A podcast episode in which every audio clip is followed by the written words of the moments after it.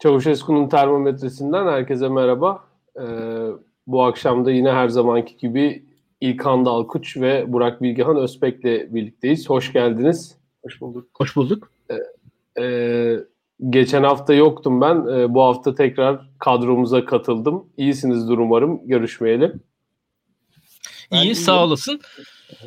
Ben de iyiyim. Beril yokluğunu evet. aratmadı ama Evet, sen evet. tekrar bir arada olmak güzel tabii ki. evet.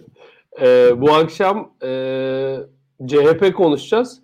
Muhalefetin ana aktörü olması dolayısıyla e, en çok konuşmamız gereken e, taraf aslında o. Son dönemde de sürekli e, gündem oluyorlar. Hem Selin Sayık Böke'nin açıklamaları var hem de Canan Kaftancıoğlu'nun söylediği bir söz üzerine e, konuşulanlar var. E, yine bir daha önce biz bunları konuştuğumuzda şey diye konuşmuştuk. E, AK Partililer muhalefette muhaleflere muhalefeti dövdürüyor diye bir şey kullanmıştık burada. Hatırlıyorum. E, ben yine ona benzer bir şey görüyorum. Senin Sayık Böke'nin söylediklerine de çok fazla tepki oldu. Canan Kaftancıoğlu'nun söylediklerine tepki oldu ki Canan Kaftancıoğlu'nun söylediği şeyde en en ben bana fantastik geleni oydu. E, ama en nihayetinde muhalefetin daha e, radikal kesimi e, bir tepki ortaya koyma ihtiyacı duydu. Ve en nihayetinde geldiğimiz yerde de hem Selin Sayıkböke hem de Canan Kaftancıoğlu baya bir e, tırnak içinde dövülmüş oldular maalesef. E, Bilgehan Hocam bugün sizden başlayalım istiyorum.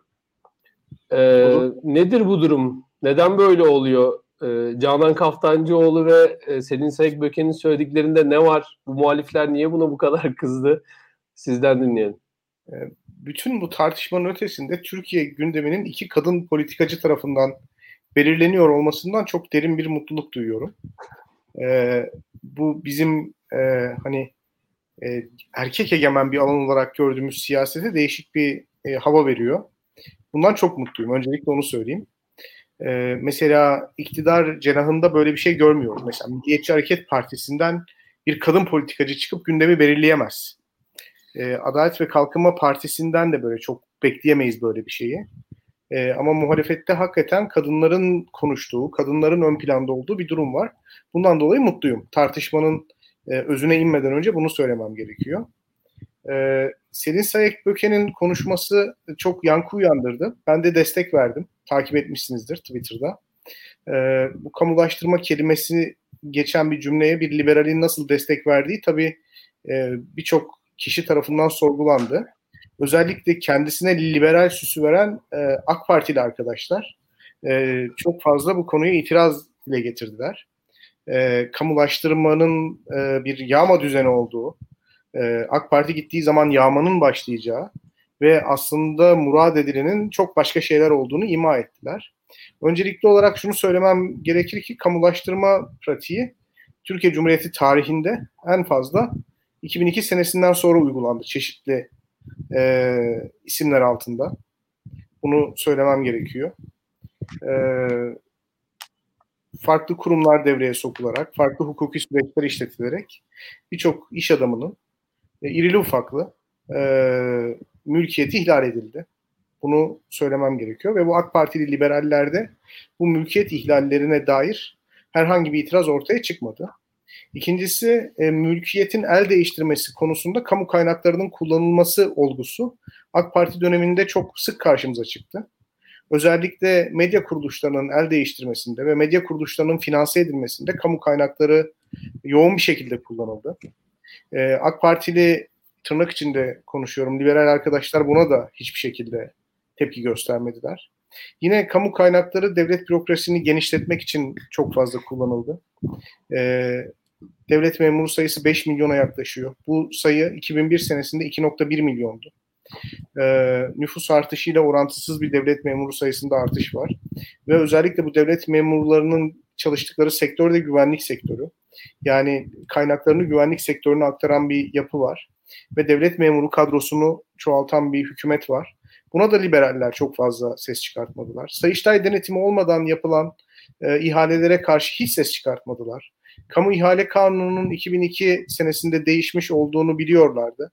ve 2003 senesinde devreye girecekti. Dünya Bankası'nın ve Avrupa Birliği'nin katkılarıyla son derece dünya sistemine uyumlu bir kamu ihale kanunu tasarlamıştı Türkiye. Fakat Adalet ve Kalkınma Partisi iktidarı döneminde bu yasa e, birçok defa değişti. Kimi ifadelere göre 190 rakamı kullanılıyor. Ben takip edemedim. En son 153'ü biliyorum. Ondan sonra ne kadar değişti bilmiyorum. Yani bu şu demek. Kamu ihale kanunu 190 sefer değişiyorsa e, ortada bir kanundan bahsedemiyoruz. E, yani 18 sene içerisinde 190 kere değişen bir kanun varsa eğer ortada bir kanundan bahsedemiyoruz. Ortada keyfi bir kararın kanun biçimine dönüştürülmüş halinden bahsediyoruz. E, buna da bu arkadaşlar itiraz etmediler. Şimdi geldiğimiz noktada Türkiye'nin kaynakları, kamu kaynakları sadece geçmiş dönem için değil, ilerleyen yıllar için bile çok adil olmayan, rekabetçi olmayan ihale sistemleriyle belli başlı iş adamlarının hizmetine sunulmuş durumda. Türkiye'nin kamu kaynakları belli başlı e, e, usuller e, atlanarak, e, standart uygulamalar atlanarak belirli insanlara, belirli referans sahibi insanlara tahsis edilmiş durumda. E, Türkiye'de kamu bankaları medyanın finansmanı için, medyanın el değiştirmesi için aktif olarak seferber edilmiş durumda. Ve bunların hepsi bizim kaynaklarımız. Bunların hepsi bizim kaynaklarımız. Şimdi eğer ortada bir yağmadan bahsediyorsak, bir talandan bahsediyorsak aslında yaşadığımız şeyin ismi yağma ve talan. Selin Sayek Böke'nin ben kamulaştırma ifadesini bir e, normatif e, heyecan ile ya da e, bir sol romantizmin etkisiyle sarf ettiğini düşün, düşünmüyorum. Öyle düşünenlerden değilim. E, Selin Sayek Böke'nin sözlerinin bende uyandırdığı his bu olmadı. Tam tersine Selin Sayek e, benim nazarımda iyi bir ekonomisttir. E, ben Bilkent mezunuyum. Doktoram da Bilkent'ten. Selin Hoca'yı tanırım. Hakkında konuşulanları bilirim. Gayet iyi bir ekonomist olduğu e, Bilkent camiasının malumudur. Dolayısıyla kamulaştırma gibi e, bir kelimeyi Selin Sayek Böke siyasetçi kimliğiyle dahi olsa çok çabuk sarf edecek bir e, kişi değildir, bir akademisyen değildir. Bunun sonuçlarını hesap eder, nereye gideceğini bilir. Dolayısıyla onun söylediklerinin ben e, ne ideolojik bir eğilimi yansıttığını, ne normatif bir e, projeyi çağrıştırdığını, ne de e, bir siyasetçinin popülizm e, çabasını yansıttığını düşünüyorum. Tam tersine önümüzdeki yıllarda dolar kurundaki artışla birlikte e, hazineden ödeme garantisi verilen projelerin Türkiye Cumhuriyeti bütçesini oldukça zorlayacağı, bu projelerin aslında rentable olmadığı, bu projelerin e, Türkiye Cumhuriyeti vatandaşları tarafından finanse edildiği fakat çok az sayıda vatandaşın bu projeden yararlandığı. Çünkü kar e, etme durumunun yani piyasada piyasa durumunun e, oluşmayacağı için devletin farazi bir piyasa yarattığı, farazi bir kar kavramı yarattığı, bunun üzerinden hareket ettiği e, kanaatinde olduğunu düşünüyorum. E, dolayısıyla ilerleyen yıllarda eğer dolar kurundaki artış bu şekilde devam ederse ki bu projeler dolar 3 lira 3,5 lirayken imzalanmış projeler şu anda 7,5 lira olmuş bir dolar kurundan bahsediyoruz. Ve galiba dolar kurunun gelecek sene 7,5 lira olduğuna inanan, bunu düşünen de çok fazla insan yok Türkiye'de. Çok fazla ekonomist de yok. Böyle olmayacak. Ve eğer bu artış hızı bu şekilde devam ederse yani geçmiş 5 senedeki artış hızı gelecek 5 senede devam ederse e, biz bu projeleri finanse edecek kaynaklarımızı boş yere heba etmiş olacağız. E, bütçede bu projelerden başka para harcayacak yer bulamayacağız. Dolayısıyla bu e, proje sahipleriyle, e, bu projeleri alan firmalar ile Selin Sayek Böke e, bence müzakere yok derken bir müzakere kapısı açıyor bana sorarsanız. Bunun bu şekilde devam etmeyeceğini ve iktidar de devri e, olursa eğer, siyasi tablo değişirse eğer bu insanlarla e, bu şekilde devam edilmeyeceğinin, bu şekilde ilerlemeyeceğinin sinyalini vermiş oluyor. Bu gerçekçi bir proje mi? Ya kamulaştırma gerçekçi bir proje değil. Sözleşmeden tek taraflı çek, çekilme gerçekçi bir proje değil. Fakat e, ben birçok insanın aksine gerçekler bize bu projelerden çekilmeyi emrediyor ve gerçekçi olan şekilde de Selin Sayek Hoca e, müzakere yok, kamulaştırma yapılacak derken tam tersine müzakere zeminini açtığını e, söylüyor. Ben böyle düşünüyorum. E, bunu bu firmalara söylüyor. iktidarın namzeti olarak, en kuvvetli adayı olarak söylüyor. Eğer bu firmalar ticari hayatlarına devam edeceklerse bir iktidar dönüşümü durumunda, e, eğer bu firmalar Türkiye'de iş yapmaya devam edeceklerse bu projelerdeki haksız elde edecekleri kazançlardan feragat edecekler. Yani bu projeler herhangi bir devlet kurumunun planlama sürecinden çıkmadı. Bu projeler rekabetçi bir ihale ortamında yapılmadı. Bu projelerin kar zarar hesapları, hazine garantileri kim tarafından hesaplandı, kim buna karar verdi bu belli değil. Bunlar şeffaf değil. Dolayısıyla bu proje aslında Türkiye Cumhuriyeti Devleti'nin bir projesi olmanın ötesinde bazı şahısların, bazı kişilerin projesi intibası uyandırıyor. Ee, eğer iktidar değişimi olacaksa Türkiye Cumhuriyeti Devleti'nin projesi haline gelecekler. Ve eğer böyle olacaklarsa da yeni koşulları devlet dayatacak diye düşünüyorum. Bunun imasını yapıyor. Ee, o yüzden ekonomik gerçekliklerden neşet eden bir durum var. Ee, bir liberal olarak benim mülkiyet e, ihlaline tabii ki reaksiyon vermem gerekir. Fakat bir liberal olarak benim aynı zamanda servetin kamu eliyle, siyasetçiler eliyle e, usulsüz bir şekilde bazı insanlara transfer edilmesine de reaksiyon vermem gerekir. Eğer biz bu şirketlerin aldıkları projelerin kamulaştırılmasına itiraz ediyorsak her şeyden önce hepimizin cebindeki verginin kamulaştırılmasına ve bu insanlara aktarılmasına itiraz etmemiz gerekir. Ortada e, bir meselenin son halkasını tartışmadan önce tartışmamız gereken önceki halkalar var. O yüzden ben e, Sayık Böke'nin e, konuşmasını e, bazı açılardan olumlu buldum. Bu e, adamlar özel sektör falan değil. E, devamlı devlete iş yapan, hiçbir yere ihracat yapmayan, hiçbir başka iş kolu olmayan, rekabetçi herhangi bir ortamda bulunmamış, rekabetçi bir ihale sürecine girmeyen özel sektör falan olmaz. Çok açık söylemek gerekiyor. Bu bize Sencer Divitçioğlu'nun bu Asya tipi üretim tarzı üzerine yazdığı yazıları hatırlatır. Osmanlı Devleti'nde yeni fethedilen bölge padişah tarafından oraya atanan birisi tarafından idare edilirdi. Sencer Hoca böyle yazıyor. O kişi feodal lord olmazdı yani Avrupa örneğinden farklı olarak padişah adına, sultan adına orayı yönetirdi. Gelirlerin bir kısmını alırdı fakat mülkiyetin sahibi olmazdı. Mülkiyet üzerine sınırsız tasarruf hakkı olmazdı. Biz aynı çeşit üretim biçimini şu anda da devam ettiriyoruz. Bu proje sahipleri, bu şirket sahipleri e, bu şirketleri yönetiyor. Evet siyah Mercedes'lere biniyorlar. ATV dizisinin dizilerindeki jönler gibi de eminim ki sinirli ve havalılardır. Ancak bu insanlar bu malların sahibi değil. Bu insanlar bu malların sahibi olmadıkları için siyaset değiştiği zaman, iktidar değiştiği zaman bu malların gerçek sahibi kimse bu mallar ona dönecek. Onu söylemek isterim. Bu, bu böyle bir mesele. Bir de şunu anlatmam gerekiyor. Ee, liberal arkadaşlara şunu da tavsiye ediyorum. Böyle e, duygusal e, tepkiler vermesinler hemen. Yarın öbür gün şeffaf olmayan Çin kredileri Türkiye Cumhuriyeti yöneticileri tarafından talep edilebilir. Belki talep edildi. Bu krediler karşılığında Çin ile Türkiye arasındaki münasebetler bizim arzu etmediğimiz şekilde ilerleyebilir. Bugün Afrika'da birçok ülke debt trap diplomasi dediğimiz Çin'den alınan otoriter yönetimler tarafından Çin'den alınan borçlar karşılığında birçok kaynağın, birçok e, sektörün Çin firmalarının denetimine geçmesine şahitlik ediyor.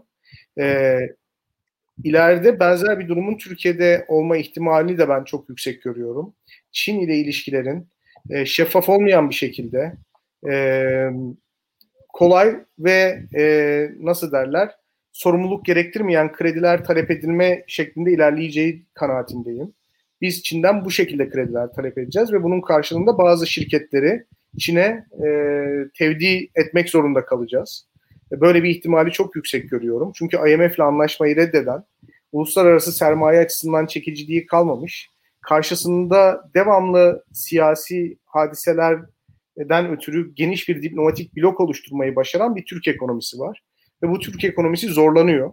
Bu zorlukları aşmak için Çin'den e, denetimsiz, yani denetimsiz derken e, herhangi bir iç hukuk mekanizması tarafından denetlenmeyen, şeffaf olmayan para akışı Türk piyasalarına olabilir. Bunun karşılığında da Çinli şirketlere bazı şirketler devredilebilir. Biz bunları e, ileride göreceğiz muhtemelen. Gördüğümüz zaman da hiç kimse kusura bakmasın e, yani bir grubun, bir zümrenin, bir cemaatin her neyse kendi keyfi için, kendi kişisel harcamaları için Türkiye Cumhuriyeti e, şirketlerini, Türkiye Cumhuriyeti içerisindeki vergi mükelleflerinin alın teriyle oluşturulmuş, bizden önceki kuşaklar tarafından oluşturulmuş ve bizden sonraki kuşaklara miras bırakacağımız çok büyük kurumların, mesela Türk Hava Yolları gibi büyük kurumların bu şirketlere tevdi edilmesine karşı çıkmak zorunda kalacağız. Buna da kamulaştırma şeklinde itiraz edenler olacaktır, etmesinler. Çok teşekkür ederim. Ben teşekkür ederim hocam. Ee, İlkan senden alalım görüşlerini. Şu anda mikrofonun kapalı. Şimdi e, ilk başta Selin Sayakböke'nin açıklamalarıyla başlayalım. Selin Sayakböke'nin açıklamalarının gündeme gelmiş olmasını olumlu buluyorum. Ee, bunu şu açıdan olumlu buluyorum. Ee, Cumhuriyet Halk Partisi'nin iktidar dönüşümüne dair belli bir plan proje ortaya koyması gerekiyor. Bu plan proje e, meselesinin başlangıcı olabilecek bir açıklama olduğunu düşünüyorum ben de. E, ben bu açıklamaları ideolojik açıdan e, yorumlayacak konumda olduğumu düşünmüyorum. Aksine e, pragmatik açıdan değerlendireceğim izninizle. E, bu açıklamalar yapıldıktan sonra bu açıklamaların etkisi tepkisi ne olur diye bakılması gerekiyor. E, etkisi açısından şu iktidar grubu içerisindeki, iktidar bloğu içerisindeki seçmenleri nasıl etkiler diye ben biraz bakıyorum. E, bu açıklamalarda dikkat edilmesi gereken bir unsur var Burak bence. E, şu ki e, özellikle karşı tarafı e, toptan yargılamadan özellikle e, karşı taraftaki belli e, maddi anomalilerin üzerine giderek bir şekilde meseleyi küçülterek yaklaşılması gerekiyor diye düşünüyorum ben. Yani e, bunu tam anlamıyla şöyle söyleyeyim. İktidardan düşenin mahkemelere gittiği bir ülke Türkiye olmamalı ama iktidarın da aynen devam ettiği bir ülkede Türkiye olmalı. Bu iktidar dönüşümünün bir anlamı manası olmalı. Yani bakıldığı zaman. Bu düzen aynen devam edecekse iktidar dönüşümüne gerek yok. Ama ülke bir şekilde e, mahkemelerle hesaplaşmaya devam edecekse o da sıkıntılı. Burada bir çözüm yolu bulunmalı diye düşünüyorum. Belli e, ölçülü idari kararların bu açıdan anlamlı olacağını düşünüyorum. Burada siyaset kurumunun bence rol alması ne yazık ki gerekiyor. Ben burada e, zaten fiilen liberal arkadaşlardan biraz o yüzden ayrılıyorum. Yani burada ne yazık ki e, Türkiye şartlarında şu an için yargıya güvenmiyorum. Biraz daha ağır olacak ama ya burada siyasetin uzlaşmacı bir tavır ve e, makul bir yol çizmesi gerektiğini düşünüyorum Türkiye'ye. Yani bunun meclis çerçevesinde daha geniş tabanlı bir iktidar bloğu oluşturularak belli makul noktada e, yolun Türkiye'ye çizilmesi gerektiğini düşünüyorum. Bu iş yargıya bırakılmamalı. Yargı üzerinden yapılacak hesaplaşmanın Türkiye son geçmiş 10 yılda gördüğü üzere çok daha yıkıcı, çok daha yaralayıcı olacağını düşünüyorum. Yani burada herkes yargı yapsın falan diyor ya o yargı yapması daha kötü. Yani e, zannedildiği gibi ne yazık ki yani bu e, ideal bir ülkede yargı yapmalıydı ama Türkiye'de ne yazık ki böyle değil. Biraz gerçekçiyim ben bu konularda. Yani bu yargı yapmamalı hatta. Daha daha da ağır olacak ne yazık ki. Bu söylediğim teorik olarak çok e, tartışmalı bir şeydir ama iddialı bir şekilde söylüyorum. Bunun siyaseten yapılması yapılmasının daha doğru olacağını düşünüyorum. Ne yazık ki Türkiye'de şu an için siyaset kurumumuzun kalibresi yargının daha ötesinde. Yani şu an Türkiye'deki siyasetin kalitesi yargının üzerinde ne yazık ki böyle. Türkiye'de henüz siyaseti aşacak, siyasetten bağımsız bir yargı kurumu yok. Yani bu bu yargı kurumunun oluşması için neler yapılması gerektiğine dair de konuşulabilir. Konuşulmalı zaten. O ayrı ama şöyle söyleyeyim e, şu anki medya yapılanması Türkiye'deki sürdürülmemesi gereken bir medya yapılanması. Medyaya birçok e, grup şu an girmeye çalışıyor. Bakın hep beraber görüyoruz işte. Olay TV'yi konuşuyoruz. Evet. İşte Sözcü TV kurulacaktı. İşte Sivas bilmem ne TV'nin adını değişti. O, o Rütük'ten 6 aydır bir yıldır bekliyormuş vesaire. Bütün bunları konuşuyoruz işte Burak. Çok iyi. Çok, benden daha iyi biliyorsun. İzleyicilerimiz benden daha iyi biliyorlardır. E, biz bunların e, gerçekleşemediğini görüyoruz. Şu an medyaya giren ve giremeyen sermaye var. Ve bu e, medya meselesinin de odağında bu şirketler. Bu e, yap işlet devlet e, ve kamu garantili e, ihale meseleleri. E, bu açıdan da e, gayet tabii ki e, Türkiye'deki demokraside de bu ihaleler sorgulanmalıdır, sorgulanacaktır. Ve dahası şöyle söyleyeyim ben. E, demokrasinin temeli en basitinden e, bütçe yapan bir hükümettir. E, yeni gelecek hükümet de kendi bütçesini yapacaktır diye düşünüyorum. En basitinden böyle söyleyeyim ben. Yani e, bu, bu iş çok daha farklı olmayacak. E, bir sonraki soruna e, geçmeden önce şunu da söyleyeyim. E, Selin Sayek Böke'nin e, yaklaşımında e, şu var. Eğer oradaki e, tartışma alanı, mü, müzakere ve münazara alanı e, diğer muhalif aktörlerin de girmesiyle beraber makul bir şekilde genişleyebilir.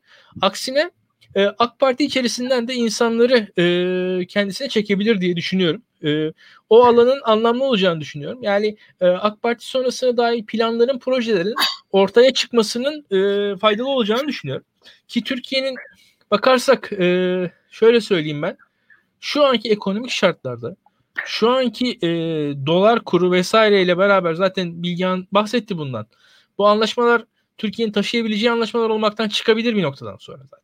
Yani burada iktidar dönüşümü olmasa dahi bu anlaşmaların bir noktadan sonra e, Türkiye Cumhuriyeti Devleti'nin tarafından tartışmaya açıl- açılacağını ben öngörüyorum. Öyle söyleyeyim. Yani burada e, AK Parti devam etse de e, öyle bu, bu, bu anlaşmalar böyle sür, sürgüt devam edemeyecektir. Yani burada da şöyle söyleyeyim en basitinden e, bugün Fenerbahçe nasıl e, işte Serdar Aziz'le dolar e, euro kurunu 5.5'a indiriyorsa yaptığı anlaşmada Türkiye Cumhuriyeti Devleti de e, bu anlaşmalarda bu tarz e, dönüşümler değiş, de, değişimler yapmak zorunda kalacaktır. Bunun yani şu an e, dolar 15 lira olduğu zaman bu anlaşmalar aynen böyle devam edemez zaten yani en basitinden.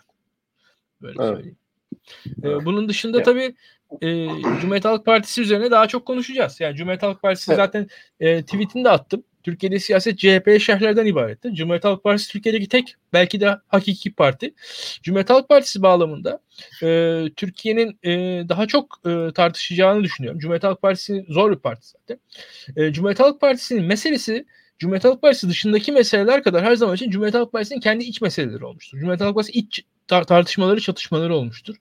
E, bu e, tartışmaların, çatışmaların AK Parti döneminde e, daha farklı olarak e, dışarıdan da manipüle edildiğini düşünüyoruz. Çünkü Cumhuriyet Halk Partisi ile Cumhuriyet Halk Partisi'nin dışarısı arasındaki ilişki artık e, şekil değiştirdi. Şöyle ki Cumhuriyet Halk Partisi eskiden e, devlete sinyal verebilen bir partiydi. Bugün sinyal vereceği bir devlet yok. E, fakat oradaki e, devlet dediği aktörlerle AK Parti şu an iç içe girmiş durumda. Öyle gördüğü aktörlerdi. Bu da Cumhuriyet Halk Partisi'ndeki belli e, kişiler açısından kimlik krizi yaratıyor. Ve bu kimlik krizi de Canan Kaftancıoğlu gibi artık o sinyalleri vermeyen yeni aktörler üzerinden çatışmalara yol açıyor diye düşünüyorum ben. Yani öyle ki aslında mesela seküler karakteri çok daha net olan e, bence Ekrem İmamoğlu gibi, Canan Kaftancıoğlu gibi insanlar CHP'nin seküler karakteriyle tanınan insanları tarafından eleştirilmeye başlandılar.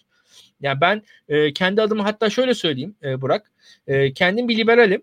E, liberal olarak e, bu bu CHP'li e, Canan Kaftancıoğlu kritikleri tarafından eleştirilmemi doğal buluyorum. Ancak e, gerek İmamoğlu gibi gerek Canan Kaftancıoğlu gibi figürlerin bu kadar heyecanla eleştirilmesini anlamlı ve manalı bulmuyorum. Burada tabii CHP'nin yaşadığı bir kimlik dönüşümü krizi var. Artık Türkiye başka bir Türkiye haline gelmiş durumda. Bu Türkiye'nin değiştiğini dönüştüğünü henüz e, kabul edilmiş değil bazı aktörler. E, kolay değil bu. Beraberce göreceğiz. Ya ben de e, Selin Hoca'nın söyledikleriyle ilgili bir şeyler söylemek istiyorum. Bu kamulaştırma e, lafı birazcık sert geliyor e, bizim memlekette.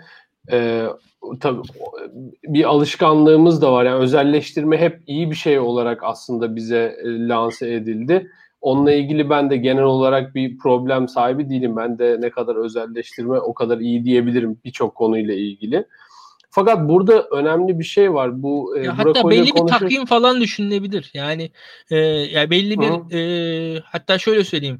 Bunu daha önce yapıl Türkiye şu şu şu kurumlarını kuruluşlarını belli vadede özelleştirecektir diye belli bir e, te, e, şey garanti verdiği zaman hatta dünya tarafından da çok ciddi şekilde olumlu geri dönüş alıyor. Ve hatta siz böyle uzun vadeli bir 10 yıllık plan ortaya koyup onun arkasında onun ilk 1-2 yılını ciddi uygularsanız sonrasını o kadar uygulamasanız bile dünya size güvenmeye de devam ediyor. Hatta dünya ekonomik evet. ekonomi biraz böyledir. Aşırı iyimser insanlardır ekonomistler böyle. Bir 6 ay sıkarsanız, hani dişinizi sıkarsanız hatta e, hak, hak ettiğinizden fazlasını alabilirsiniz. Böyle söyleyebilirim. evet, evet ya ve, ve Türkiye'de yani öz, bundan sonrasında da herhalde yine bir e, anlamı olacak özelleştirmeyi tamamen hayatımızdan çıkartamayacağız. Türkiye'de hala e, devlet yeterince e, elinde kamu iktisat teşebbüsü vesairesi var. Havalimanları şu bu yapılacak bir sürü iş var. E, fakat ben burada Selin Hoca'nın söylediği şeyi e, konuşurken Burak Hoca anlatırken şey geldi aklıma. Rothbard'ın bir örneği vardı. Eğer diyor sokakta bir adam gördünüz bir başka adamı dövüyor ve e, saatini almaya çalışıyor. E, burada eğer ilk vereceğiniz tepki Aa, bu adam bunun saatini çalmaya çalışıyorsa yanlış bir şey söyleyebilir, yanlış e, yanlışa düşmüş olabilirsiniz diyor. E, tam tersi bir şey de olabilir. O adam e, saatinin çalınmasını engellemek için, saatini çalan insandan saatini geri almak için de kavga ediyor olabilir diyor. O yüzden burada mülkiyet edinim süreçlerine bakmak lazım diyor. Bu tabii etik bir tartışmanın e, içinde anlattığı bir hikaye. O mal kimin malı ve bu bu, bu kavga neden yapılıyor kavgası üzerine. Şimdi Selin Hoca'nın söylediği şey de kamulaştırma dediğinde ya sanki böyle işte el koyup sosyalizm ilan edilecekmiş gibi bir durum var ama e, Selin Hoca'nın bahsettiği şey 5 tane şirket var. Bu şirketler dünyanın devletler tarafından en fazla kamu ihalesi alan bütün dünyada bakın Çin gibi e, bir, bir rejimde bile e, bu şirketler kadar büyük kamu ihaleleri alan toplamda şirket yok. Bütün dünyada dünyanın en fazla be, e, kamu ihalesi alan 5 şirketi bunlar. Şimdi bu kadar büyük bir meblağda e, iş yapabilecek, Türkiye'nin böyle bir kamu ihalesini dağıtabilecek gücü yok. Özellikle de 5 tane partiküler şirkete dağıtacak böyle bir gücü yok. Bunun sürdürülebilirliği de yok. E, e Selin Sayı hocanın söylediği o kadar makul ki aslında baktığınızda. Çünkü orada bütün o yatırımlar, bütün yapılan her şey e, bizim vergilerimizle fonlanıyor. Ve işte mesela diyor köprü yapıyor, e, köprü yapıyor, benim vergimle yapıyor. Ondan sonra benden köprüden geçerken tekrar para alıyor vesaire. Yani o kadar çarpık, o kadar absürt ilişkiler var ki orada. Bunun bir iktidar dönüşümü durumunda de, sorgulanmaması imkansız kim olursa bunu sorgulayacaktır. Sorgulamazsa da birisi dönüştüğünde ben yine sormak isterim. Ya bu, bu şirketler hala niye burada diye sormak isterim. Ben bu şirketler kapatılsın, o olsun, bu olsun demiyorum. Gaddarca bir şeyden bahsetmiyorum. Sadece burada e, makul bir düzenlemenin yapılması, makul bir yeniden pazarlığın olması gerekiyor en azından e, diyorum. Aksi halde dediğim gibi iktidar değişiminin bir e, anlamı da olmuyor. Üstelik Bilgehan bir şey Hocam bir şey mi söyleyeceksin? Evet bir şey daha var. Buyur hocam. E, devlet yatırımlarını her zaman e, piyasa açısından rentable olan alanlara yapmaz. Hatta genel olarak piyasanın e, karlı görmediği alanlara yatırım yapar. Çünkü bunlar kamu açısından ortak kolektif iyilik üretir. İşte yol yapabilir, köprü yapabilir. Bunları anlıyorum. Yani bizim mesela devlet planlama teşkilatı gibi bir teşkilatımız vardı. Bu işe yarardı. Ee, ve derdi ki mesela hani bu özel sektör tarafından karlı görülmediği için yatırım yapılmayacak bir alan. Fakat stratejik olabilir. Ya da çok hayati açıdan halk sağlığı için, güvenliği için önemli bir şey olabilir. E, dolayısıyla bu bir yatırım yapılabilir. Yani burada ya, biz mesela çok basit mesela metro ve otobüs. Belediye otobüsü metronun yaptığı işi yapar aslında. Metro evet. 100 milyon dolardır. Belediye otobüsü 100 bin dolardır. Siz metro yaparsınız bir şekilde.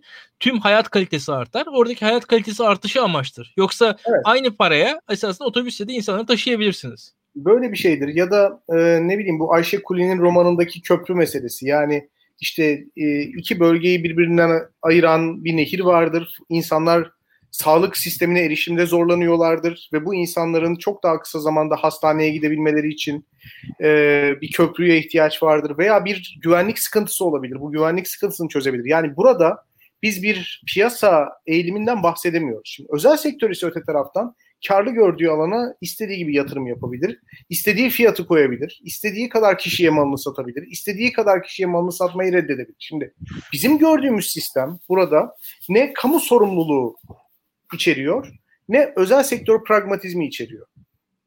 Yani e, Ankara Niğde arasına otoyol yapıyorsunuz. Bunu e, özel sektörden bir firmaya e, veriyorsunuz ve kafanızda farazi bir karlılık tablosu var. Yani piyasayı devlet kendisi tanımlıyor. Burada olsa olsa bu kadar araba geçer. Bu kadar araba geçerse karlı olur. Bu kadar araba geçerse şu kadar kar bırakır gibi. Sonra diyorsunuz ki sen bunun e, bir kısmını toplayabildiğin kadarını topla. Fiyatını da ben yazıyorum sana bu kadar. Toplayamadığını da ben diğer vergi mükelleflerinden bu yolu kullansalar da kullanmasalar da toplayıp sana vereceğim. Bu absürt bir şey. Bu çok absürt bir şey. Yani Selin Sayık Böke'nin ben bütün söylediklerine katılıyorum. Benim alternatif önerim hadi bu yolları özelleştirelim, kamulaştırmayalım. Hadi devletin bu yollara garanti geçiş ücreti verme uygulamasını kaldıralım. Hani Gürsel Tekin demişti ya biz iktidara geldiğimiz, geldiğimiz zaman bu yandaş gazeteler koyacağız. Ben de diyorum ki gazetelerin yandaş olma olgusu doğru. Biz iktidara geldiğimiz zaman kamu bütçesinden bu yandaş gazetelere bir kuruş para gitmeyecek. Hiçbir gazeteye bir kuruş para gitmeyecek. İstanbul Belediyesi el değiştirdikten sonra Güneş ve Star gazeteleri mi kapandı? 3-4 tane kapandı hocam öyle. Tam isimleri hatırlamıyorum ama. Hadi bakalım. Hadi bakalım çok liberalim. Yani e, biz bu bütün projeleri özelleştireceğiz. E, gazetelere tabii ki el koymayacağız. Tabii ki buraları kamulaştırmayacağız. Ama kamunun bütçesinden bir kuruş da para harcamayacağız. Yani Zaten ortada değişen bir şey olmuyor. Anlatabiliyor muyum? Yani kamulaştırmanızla evet. özelleştirmeniz arasında bir fark olmuyor. Onu anlatmaya çalışıyorum. Yani ya kamular... bence ya öyle bir şey ki bu biz şu anda şöyle söyleyeyim. Şu anki Türkiye şartlarında bu teorik tartışma içerisinde çekilerek yani e, adeta hmm, hani birileri bize dalga geçiyormuş gibi geliyor yani. Öyle. Hangi bence ne, bence, ne, ne, bence ne yaşıyoruz yani konuşalım. Bu? evet ya bence bunu konuşalım. Biz şu anda bu memlekette ne yaşıyoruz? Gündelik hayatta ne yaşıyoruz? Ve tartıştığımız şu konuya bak yani işte Canan Kaftancıoğlu Gazi Mustafa Kemal demiş de Atatürk dememiş. İşte ötekisi onu söylemiş. Bu, bugün e, şimdi, böyle, o kadar fazla absürt absürt şey yaşıyorum ki her gün gerçekten böyle ya biz bunu gerçekten şu anda yaşıyor muyuz diye kendi kendime soruyorum. Bu ne zaman olgunlaşacak acaba bu mesele? Biz bunları hiç böyle makul aklı başında rasyonel insanlar gibi oturup konuşacağız mı yoksa hep sembol yarışında mı olacağız hayatımız boyunca? Ben hissediyorum. 6 aydır program yapıyoruz. Şimdi bir de öyle bir şey ki mesela bizi seven var, sevmeyen var. Şimdi bizi sevmeyenler de çok kısıtlı sayıda insan. Sevenler de kısıtlı sayıda insan. Ee, birbirimizin dilinden de anlıyoruz. Yani dostun da düşmanın da anladığı bir dil var. Meseleleri böyle çok incelikli bir şekilde tartışıyoruz değil mi 6 aydır? Hani artık siyasetin kılcal damarlarına indik. İşte soyutlama yapıyoruz, kavramsallaştırma yapıyoruz işte bize gelen itirazlar da bunlar üzerinden geliyor. Böyle hani Twitter'da birbirimizi yediğimiz adamlara bakıyorum ya onlar da bir şey söylüyor. Yani aslında 15-20 kişi arasında dönen bir oyun var burada. Tamam mı? Baktığınız zaman. Hadi diyelim 150-200 kişi. Ee, bir yandan böyle bu tabakada ilerleyen bir tartışma var arkadaşlar. İşte biz Daktilo'ya yazıyoruz. İvme Hareketi kendi sitesine yazıyor. Podcast'ler yapıyor. İşte başka arkadaşlar başka şeyler yapıyorlar. Yani birçok toplumda bizimle aynı dili konuşan, sevsek de sevmesek de, karşı çıksak da, uzlaşsak da birçok insan var. Biz bunları tartışıyoruz. E, siyaseti anlamaya çalışıyoruz. E, bir şekilde bir muhalefet hattı kurmaya çalışıyoruz. Bir şey örgütlemeye çalışıyoruz. İyi ya da kötü. Buradan çıkıp ayağımızı bastığımız siyaset zemini o kadar farklı bir tabakaya tekabül ediyor ki. Yani ben 6 ay boyunca burada her pazartesi günü program yaptım. Daktilo 1984'te 250'nin üzerinde akademisyen ve entelektüel yazı yazdı. Muhalefeti nasıl örgütlemeliyiz meselesi üzerine kafa yorduk. Ee, İlkan uluslararası Süleyman Soylu uzmanlığı konusunda e, doktora derecesi alacak kadar ilginç argümanlar geliştirdi. Tamam mı? Ee, işte ben merkez siyaset meselesini küfür kıyamet her şeye rağmen ortaya koydum. Yani karşı çıkanlar da işte radikal politikanın, agonist politikanın öneminden bahsettiler. Fakat gözümüzü çevirip televizyonu açtığımız zaman Muharrem İnce'nin Mustafa Kemal demek çok büyük bir hakarettir. Atatürk demeliyiz. Hattı üzerinden siyaset yaptığını görüyoruz. Ya da bir AK Partili profesörün işte bu kamulaştırma meselesinde bunlar da nasıl liberal falan dediğini görüyoruz. Ya, hakikaten çok üzülüyorum ya. Bu... evet abi. abi. Ya ger ne diyelim? ya gerçekten öyle. Yani bir şey bulamıyorum ya. Yani bir çıkış yolu bulamıyorum. Konuşacak muhatap bulamıyorum. Bugün çok küçük bir şey yazdım. bir anda böyle bana şey falan demeye başladılar. Sen sakine cansızı mı savunuyorsun falan böyle bir anda bir anda PKK'lı falan oldum ama yani gerçekten konunun hiçbir alakası yok. Böyle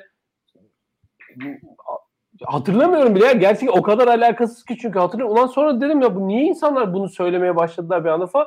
Hemen o, o sembol meselesi e, girdi araya. Ben orada Canan Kaftancıoğlu'nun söylediğinde bir şey yok. Gazi Mustafa Kemal Atatürk'ün de kendisiyle ilgili kullandığı bir tabir yani bunda abartılacak bir şey yok dedim.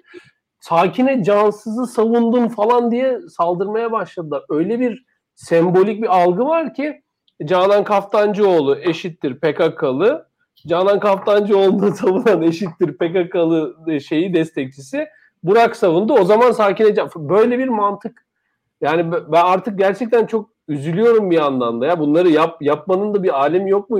Boşuna mı konuşuyoruz falan diyor. Beni takip eden insanlar bunu söylüyor. Şimdi Burak Türkiye'de siyasetin e, birkaç sorunu var. E, bir tanesi çok ciddi baskı altında insanlar. Baskı altında oldukları için de e, bazı konular reel olarak tartışılamıyor. Mesela reel konuya girildiği anda zaten saçma sapan teorik olarak cevaplar veriliyor. Aslında e, Selin Sayekböke'nin mesela reel olarak söylediği şey reel olarak tartışılsa çünkü çok insanın e, işler sıkışır yani. O iş tehlikeli bir noktaya doğru gider. Hani o para nerededir, nereye gidiyor, ne oluyor falan filan birkaç soruyla o, o iş çok alengili bir noktaya gidiyor. E, e devam edelim e, reel konular tartışılmayınca e, bir yandan da işin daha mesela kimlik konularına girdiğiniz zaman da işte Kürt meselesi e, işte üzerinden falan tartışılmaya başladığımız zaman da gene e, sıkıntı oluyor. E dış politika tartışamıyoruz. E, geriye semboller, simgeler falan kalıyor. Semboller, simgelerde de e, iş sıkıntılı. E, birçok sembolü, simgeyi de artık hani AK Parti de güçlendiği için e, birçok e, CHP kitlesinin bu eskileri ortaya süremiyorlar. Ellerinde kalan e, çok fazla sembol de ne yazık ki yok yani artık bundan sonra veya ne iyi ki bilmiyorum. E, şu anda mesela eskiden olsa bundan 20 yıl önce Ayasofya açmaya kalksaydı Tayyip Erdoğan başbakan olarak e, çok fazla tepki gösterecek insanlar bugün tepki gösteremediler Ayasofya açılırken. Şimdi eğri oturalım doğru konuşalım. 20 yıl önce bu tepkiyi gösterecekler. Bugün tepki neden gösteremediler? Bunu konuşalım mesela. Neydi aradaki farklılık? 20 yılda ne değişti, ne değişmedi? Acaba bu tepki göstermeyenler demokratlaştılar mı? Veyahut da İslam'la bakışları mı değişti? Atıyorum e, nasıl bir Atatürk'ü anlayışları mı değişti? Ayasofya'yı müze yapan Atatürk mü değil miydi? O, onu unuttular mı? Yo. Başka bir şey oldu ortada demek ki. Şu anda evet. bakın Atatürk konusunda tepki gösterenler Ayasofya konusunda neden tepki gösteremediler? Acaba bakın düşünelim. Türkiye'de aslında fiilen bir şeyler oluyor. Fiilen olan şeyi konuşamıyoruz biz. Ama fiilen olan şeyi konuşamadığımız zaman ne diyoruz? İşte Ayasofya'da Atatürk'e lanet okudu mu acaba Diyanet İşleri Başkanı onun üzerinden ya ülkede bir şey oluyor. Yani hani ülkede olan şeyi konuşmuyoruz. Ülkede olan şeye dair bir ayrıntı üzerinden bir sembol üzerinden bize bir alan açılıyor orada. Atatürk konusu konuşulabiliyor. Yani o konuda muhalefet kendini özgür hissediyor. O konuda kendi arkasında yasaları e, eskiden olduğu kadar olmasa da devleti falan gördüğünü düşünüyor. O konuda hala birkaç savcının dava açtığını biliyor. Atatürk Türkiye hakaret, Atatürk koruma kanunu vesaire falan. O, onun verdiği rahatlıkla siyaset yapılıyor. Komiktir bu. Açık konuşalım komiktir. Yani ben biraz e, bu konuda sert davranacağım. Üzgünüm. E, yani siyasetçilerin tamam e, siyaset duygularla da yapılır, siyaset sembollerle de yapılır. Yani siyaset bakmayın hani asla benim dediğim kadar teknik olmaz. Onu da anlıyorum ben. Evet. Ve sonuçta şöyle bir şey var. Cumhuriyet Halk Partililerin e, benden daha farklı refleksleri olmasını da anlıyorum. Ona da tamam. Ona da tamam. Haklılardır. Ee, 18 yıldır muhalefetteler. Kolay değil. Baskı altındalar. Ellerindeki tek alan bu. Başka bir alanda konuşamayacaklarını düşünüyorlar. O, o yaşadıkları acıları da anlıyorum. Tamam. Ancak şu. Açık konuşalım. Birincisi madem öyle madem öyle e, Bilgehan şaka maka hani devinden beri birçok şey yaptığımızı anlattı. Somut konular var. Somut konulardan konuşabilir insanlar. Madem öyle, madem her alanda baskı var, o zaman ya İstanbul'a köprü yapıp nasıl zarar edebiliyor bu hükümet diye sorarsınız. Çok basit bir şeydir. Ya İstanbul Boğazı'na köprü yapıp zarar etmek kolay bir olay değildir. Ya yani İstanbul Boğazı gibi yani 20 milyon insan geliyor geçiyor ve bir köprü İstanbul'da yapılıyor ve zarar ediyor. Bu absürt bir olay. Bunu nasıl becerebilmiş bu hükümet diye sorarsınız. En azından bunu yapmak varken hiçbir şey yapmayıp e, ancak e, bu noktalarda sembol e, bekçiliği yapmanın e, çok anlamlı olmadığını düşünüyorum. Ki şunu da söyleyeyim ben. Yani Canan Kaftancıoğlu e, liberal bir figür değil. Canan Kaftancıoğlu Atatürk düşmanı falan değil. Yani bu bu anlattıkları figür de değil yani, yani bu insanlar. Ya bu ya. Canan Kaftancıoğlu benim siyasal pozisyonumda değil. Onu biliyorum. Canan Kaftancıoğlu HDP değil ve şunu da söyleyeyim. Cumhuriyet Halk Partisi HDP olmaz. Daha önceki yayınlarda da söyledim. Cumhuriyet Halk Partisi HDP ittifakı da olacak bir iş değil öyle kolay kolay. Cumhuriyet Halk Partisi'nin bir Kürt politikası olur ancak. AK Parti'nin nasıl bir Kürt politikası varsa Cumhuriyet Halk Partisi'nin bir Kürt politikası olabilmeli, olmalı zaten. Olay budur. Daha fazlasını Cumhuriyet Halk Partisi'nden ben beklemiyorum. Kimse de beklememeli hatta. Onu da söyleyeyim. Yani burada da e, tırnak içinde sol liberal e, kamuoyuna seslenir. Olmayacak şeylerin CHP'den beklenmesi de yanlıştır. Bakın bunları da söylüyorum. Ama şu Cumhuriyet Halk Partisi'nin Kürt politikası olması Türkiye'nin demokrasisi için bir kazançtır. Bir liberal olarak bunu da söylüyorum. Yani buradaki olay budur. E, beklentilerimizi makul tutalım ve de... e, yani şöyle söyleyeyim 50, el, sadece sembollerle siyaset yapınca her şeyi de o sembollerden ibaret görüyor. Ne yazık ki belli figürler. Birazcık daha e, perspektiflerini geniş tutarlarsa daha iyi olur. Ve ne yazık ki bir yandan da bir şey daha ekleyeceğim. E, Türkiye'de siyasetteki e, entelijansiya konumundaki insanların teknik yetersizliklerini görüyorum ne yazık ki. Konuşacak başka şeyleri olmayınca ancak bir yandan da bu semboller diyoruz ya e, içerikli konuşamayan insanlar bu semboller üzerinden kendilerinden cümle buluyorlar. Kendilerine söylem buluyorlar. Kendileri başka bir konuda söyleyecek sözleri olmayan insanlar Atatürk dendiği anda, PKK'lı dendiği anda, Sakine Cansız dendiği anda kolay cümleler kurabiliyorlar. İlgi çekiyorlar. Bence hak etmedikleri ilgileri çekiyorlar açıkçası. Burada öyle bir sıkıntı da görüyorum. Ee, orada bir kalitesizliğin de yansımasını ne yazık ki görüyorum. Bunu da ekleyeyim. Öyle. Ee, evet. yani genel itibariyle benim çok hoşlanmadığım bir mızmız psikoloji var. Bugün yazdım onu zaten. Ee, bu mızmızlık sistematik bir e, muhalifliğin ortaya çıkmasını engelliyor. Yani bu ideolojiler üstü bir mızmızlık. Muhafazakarın mızmızı var. Ee, muhafazakarın mızmızı var. Türklerin mızmızı var. Milliyetçinin mızmızı var. Ee, ve bunlar e, hani hakikaten mızmızlıklarını e, iktidara karşı da yapıyorlar. Allah var onu söylemek lazım. Etkili oluyor, etkisiz oluyor ayrı bir şey. Bence çok etkisiz oluyor. Fakat asıl mızmızlıklarını muhalefetteki kendilerini temsil eden elitlere karşı yöneltiyorlar. Şimdi ben burada biraz e, anlamakta zorluk çekiyorum. Gerçekten zorluk çekiyorum. Şimdi e, İmamoğlu'nu beğenmeyebilirsiniz. Ben bunu çok anlarım. Yani İmamoğlu siyasi aktörlük açısından e, çok kuvvetli bir lider değil. Yani İmamoğlu'nun seçim kampanyasında verdiği bir vaadi hatır, hatırlamıyorum ben. Benim unutamadığım karizmatik bir söylemini de hatırlayamıyorum. Ee, böyle akıllara kazınan 31 Mart öncesi söylüyorum. Aktörlük gösteremedi. Fakat bir şeyi gördük 31 Mart gecesi bu adam işine gücüne sahip çıktı. Öyle değil mi? Yani sandık verisini aldı, soğukkanlılığını korudu, ekranları bırakmadı, e, sandıklara sahip çıktı. Yani bu sandıklara sahip çıkma muhabbeti üzerinden nice sivil toplum kuruluşları Avrupa Birliği'nden nice fonlar aldılar. Sandıklara sahip çıkma muhabbeti üzerinden nice az takipçili güzel kız fenomen oldu. yani anlatabiliyor muyum? Bunu fiiliyata geçiren baktığınız zaman teknik olarak ilk insan Ekrem İmamoğlu ve İstanbul CHP İl Başkanı Canan Kaftancıoğlu oldu. Ve İyi Parti İstanbul İl Başkanı Burak Kabuncu bu ekip. Şimdi burada siyasi aktörlük bizi tatmin etmese de kazanmak için yapılan bir şey var. İkincisi hepimizin daha sonraları tespit ettiği üzere e, aktörlük ortaya koymamak bir siyasetçinin diğer kimlik gruplarını, ideolojik grupları, toplumsal grupları rahatsız etmemesini de beraberinde getiriyor. Onlarla konuşabilmesini de beraberinde getiriyor. Onlarla arasında hiyerarşik bir ilişki kurmadan müzakere etmesini beraberinde getiriyor.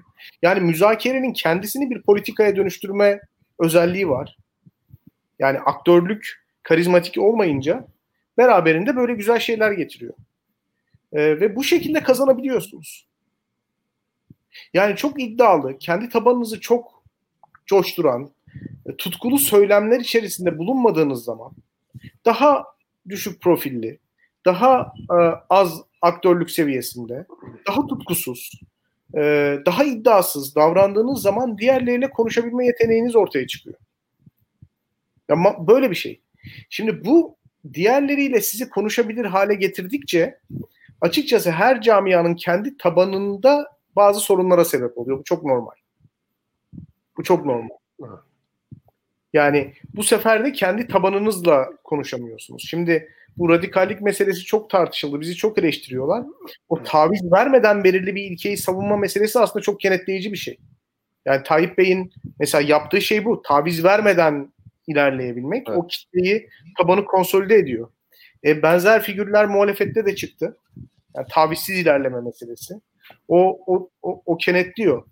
E, siz kendi tabanınızı kenetleme pahasına diğer insanlarla yani onun ne derler onu kaybetmeyi göze alarak diğer gruplarla müzakere ediyorsunuz. Bu krizleri ben o bakımdan çok normal karşılıyorum. E, çok normal karşılıyorum. E, kazanmış, belediyeleri kazanmış bir kadro var. Bu kadro ideolojik özellikleri açısından çok öne çıkmış bir kadro değil. İlkan doğru söylüyor. Yani Canan Kaftancıoğlu bugün Türkiye'de Kürt meselesini e, tartışan önde gelen isimlerden birisi değil. Yani Canan Kaftancıoğlu bugün Türkiye'de herhangi bir ideolojik pozisyonun parlayan yıldızı değil. değil yani Canan evet. Kaftancıoğlu özgürlükçü, seküler, e, devlet yönetiminin daha profesyonel olmasını, sosyal demokrat ilkelere dayanmasını savunan birisi. Birçok CHP'li gibi. Fakat kendi alanında kendisine özgü fikirlerle yükselmiş bir isim değil. Şimdi böyle olunca da e, başlıyor. Bu bunlar tabii de aynı zamanda kazanan e, kazandıkları için kendi tabanları içerisindeki muhalifleri başlıyorlar bir bunlara karşı muhalif cephe oluşturmaya çalışıyorlar.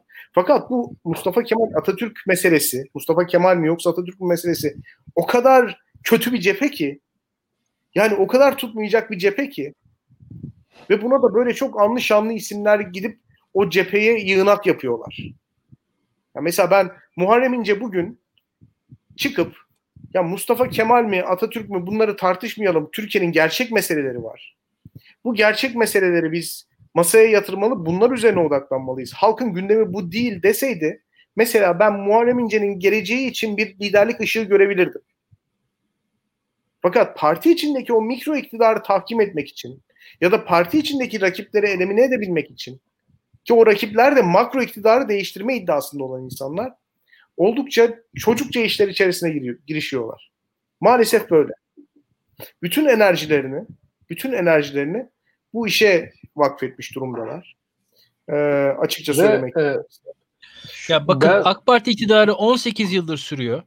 Ee, şu an Türkiye'nin e, bayağı ciddi bir şekilde dönüşüm noktasındayız. Yani önemli seçimler arifesinde olduğumuzu düşünüyorum.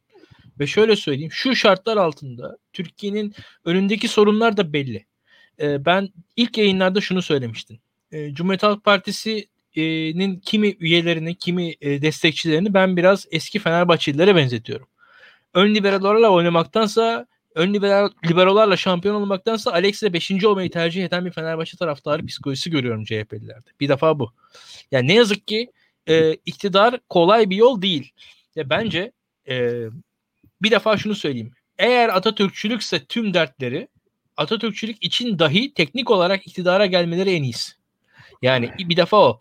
Onun dışında da şu şartlarda yaptık, yaptıkları Atatürkçülük fiilen iktidarın devamına yaramaktan başka bir sonuç vermez.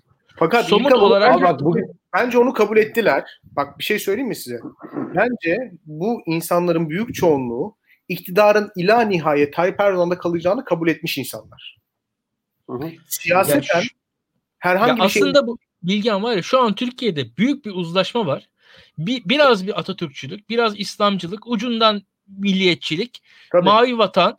Ya bu uzlaşmanın kabulü aslında bu. Yani şu an Canan Kaftancıoğlu'na verilen tepki de iktidardaki o mavi vatanla bir yandan bir yandan e, Atatürk, bir yandan e, milli bayramlar kutlanıyor, bir yandan 15 Temmuz. Bu, bu büyük bir uzlaşma var. Tayyip Erdoğan'la TSK arasında, e, belli e, bürokratik çevreler arasında. Şu an o uzlaşmanın esasında bir e, hani sağlaması yapılıyor Canan Kaftancıoğlu'na yapılan tepkiyle. Yani olay, olay başka bir şey değil. Tabii. Yani orada bence muhalefetin meselesi e, asıl ayrışma noktası e, muhalefet partilerini e, makro iktidarı değiştirebilecek aktör olarak görenler ile yani Adalet ve Kalkınma Partisi ile MHP hükümetine son verebilecek aktör olarak görenler ile mevcut hükümeti ila nihai iktidarda kalacak şekilde tasavvur edenler dolayısıyla kendilerini de korunaklı bir azınlık olarak konumlandırmak isteyenler arasında. Kesinlikle. Şimdi, e, buyur. Ya buyur CHP parti mi olacak? Mesela çok basit. Dediğin şey çok doğru. CHP parti mi olacak? Yoksa belli kurumlara şikayet makamı mı olacak?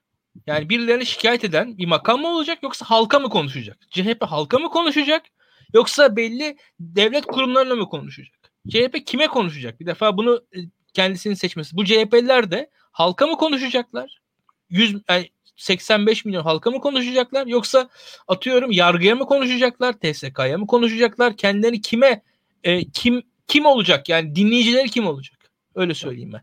CHP bu, bunun tercihini yapılması lazım. CHP bu tercihi yavaş yavaş yaptı. Zaten İmamoğlu seçimi, Mansur Yavaş'ın adaylığı bunlar hiç kolay olmadı. Hepsine çok ciddi tepkiler geldi bakarsanız. Hepsine birçok yerde tepkiler geldi. Mansur Yavaş'ın adaylığı başarısız oldu dendi 2014'te hatırlayın. Ya burada sağ adaylı olmuyor diye yorumlar okuduk 2014 yılında. Yani ben 5 yıl boyunca o yorumları okudum. Şaşkınlıkla. Yani e, Mansur Yavaş'ın yanlış aday olduğuna dair uzun uzun derin analizler okudum ben. Yani bu çok acayip bir şeydi. CHP'nin amacı seçim kazanmak mı? Yani bakın Türkiye çok enteresandır. Türkiye'de ben 90'lı e, yılları takip etmiş bir insan olarak çok iyi hatırlıyorum. Ya oy avcılığı diye olumsuz bir kelime kavram vardı bizim dilimizde. Oy avcılığı. Yani siyaset değil. Ya oy avcılığı parti yani baktığın zaman bunun ya bu, bu kadar için yapılıyor. yani e, çok ciddi bir şekilde e, zihniyetli zihniyet sorunu var. Kavramların algılanması açısından sorun var ve e, belli bir kolaycılık da var. Öyle söyleyeyim. E, yoksa şöyle bir şey var. Türkiye'de e, konuşacak çok konu var. Bakarsanız işte bak e, Selin Sayık bir konudan bahsediyor mesela. Türkiye'de konuşacak çok konu var. Türkiye'nin eğitim meselesi var. Türkiye'de atıyorum uyuşturucu meselesi var. Türkiye'de çok mesele var. Yani eğer bir muhalif figür konuşmak isterse konuşacağı çok konu var aslında. Çok çok.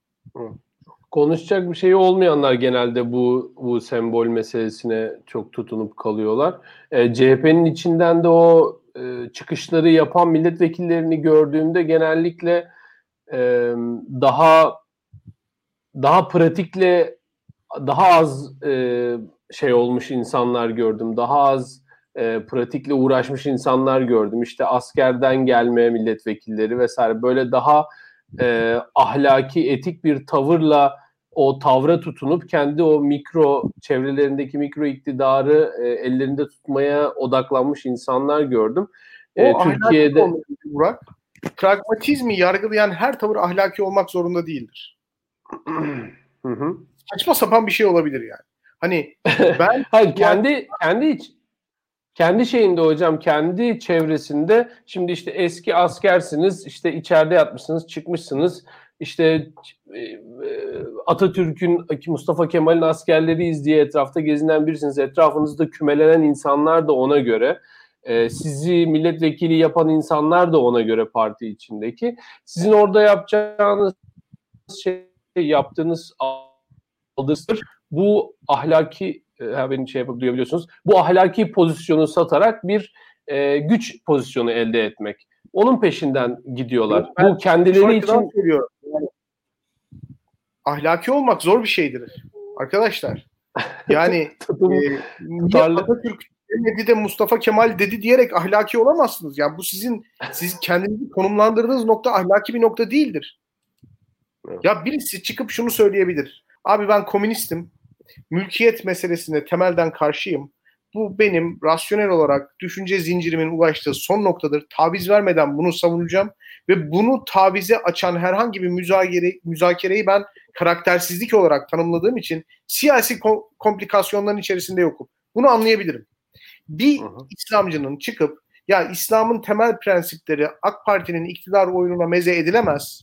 Dolayısıyla ben kendimi siyasetin dışına çıkartıyorum demesine tamamıyla razıyım. Bunlar ahlaki tavır olarak değerlendirilebilir. Fakat niçin Gazi Mustafa Kemal deniyor da Gazi Mustafa Kemal Atatürk denmiyor üzerinden kurulan ahlaki bir cephe olamaz. Hocam bence bence ya şöyle ama Atatürk'ün Atatürk'e sahip olmayı eğer in, inanılmaz yüksek bir değer olarak e, onu kültleştirmeyi ve o külte e, aşırı sahip çıkmayı inanılmaz yüksek bir değer olarak konumlandırdıysanız kendinizi ahlaki bir tavır içinde abi, sanabilirsiniz ama açıklayacaksın. Evet. Kaftancıoğlu'nun evet. açıklaması da diyor ki ben Mustafa Kemal Atatürk'ün fikirlerini şu şu şu şekilde anlıyorum. Benim için Kemalizm şudur, Atatürkçülük şudur. Herhangi bir döneme sıkışmış, sembollere hapsedilmiş, e, kuru bir e, Atatürkçülüğü kabul etmiyorum. Benim açımdan Atatürkçülük budur. Sen de çıkıp açıklayacaksın. Ben bununla ilgili bir kompozisyon yazabileceğini düşünmüyorum. O neden Atatürk demedi diyen insanların bu konuyla ilgili kompozisyon yazabileceklerini düşünmüyorum. Ama e, sembol satmaya geldiğinde o yavcılığında yapıyorlar kendi. İşte o ahlakçılık olmuyor. Onu onu söylemeye çalışıyorum. O ahlakçılık olmuyor. Pragmatizm karşıtlı oluyor. Bence mağlubiyete müptela olmak oluyor. Ya da mikro iktidar için savaşmak oluyor ama ahlakçılık olmuyor. Yani işin kötü tarafı o zaten. Yani ahlakçı da değiller, pragmatik de değiller. Bu Churchill'in e, Almanya ile appeasement policy'ye giren, yumuşama politikasına evet. giren e, hükümete söylediği gibi yani size onursuzluk ve savaş arasında iki seçim verildi. Siz hem e, onursuzluğu seçtiniz hem bir savaşa girdiniz. Ya, siz gibi... savaşı seç, şey, siz onursuzluğu seçtiniz, şimdi de savaşacaksınız mecbur. Öyle bir şey. Evet. Yani hem ahlaki bir noktası yok, hem de kaybed kaybeden politika öneriyor. E, anlayabilmiş değilim. Hakikaten anlayabilmiş evet. değilim. Umuyorum e, toplum bu insanları e, karikatürize eder. Bu çabaları evet. karikatürize eder. Gereken tepkileri verir.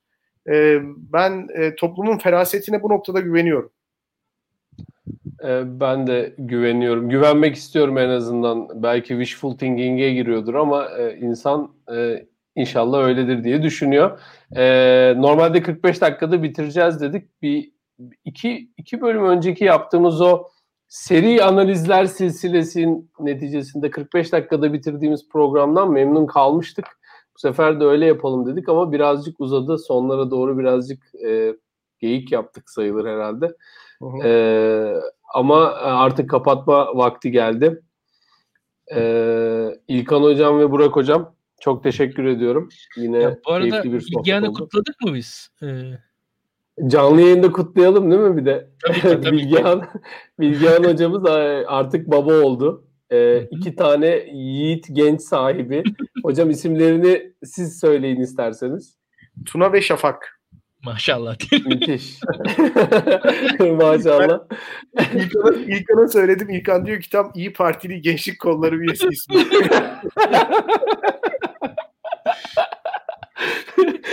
Gel. şimdi şimdi İlkan söyleyince gerçekten öyle geldi bana da. Bir e, de hocamızın e, ikiz çocukları oldu. Ömer e, iki tane erkek. Ömer Asaf ve Eymen. E, hocam peki çocukları çocuklar evde mi? Eve gelmediler değil mi? Daha hala, henüz hala, e, hala daha şey aldı. Okey ama bir problemleri yok. Her şey iyi, iyi durumda. Ee, çok şükür. Ee, hocamızı da tebrik etmiş olduk. Melike'yi asıl tebrik edelim. İşin zor kısmını Melike yaptı çünkü. Evet. Buradan Melike'ye de tebriklerimizi iletmiş olalım. Ee, herkese çok teşekkür ediyorum. İzleyici arkadaşlara da çok teşekkür ediyorum. Orada çok güzel e, geyik yapıyorsunuz vallahi yani ben de katılmak istiyorum. Neredeyse o kadar e, e sohbet dönüyor. E, teşekkür ediyorum katıldığınız için sizlere de. E, yayından sonra da yorum yaparsanız memnun oluruz. Beğenmeyi unutmayın lütfen. E, abone olmayan zaten yok. Beğenmeyi, herhalde. paylaşmayı, abone olmayı unutmayın. Evet evet paylaşmayı abone da unutmayın. vardır muhtemelen. Var mıdır abi bilmiyorum ya artık o kadar da değildir diye düşünüyorum. İnsan utanır burada artık yani burada sene tekrar tekrar gelip gelip abone olurlar diye düşünüyorum. Ee, herkese iyi akşamlar diliyorum. Ee, görüşmek üzere hoşçakalın. Hoşçakalın. İyi akşamlar.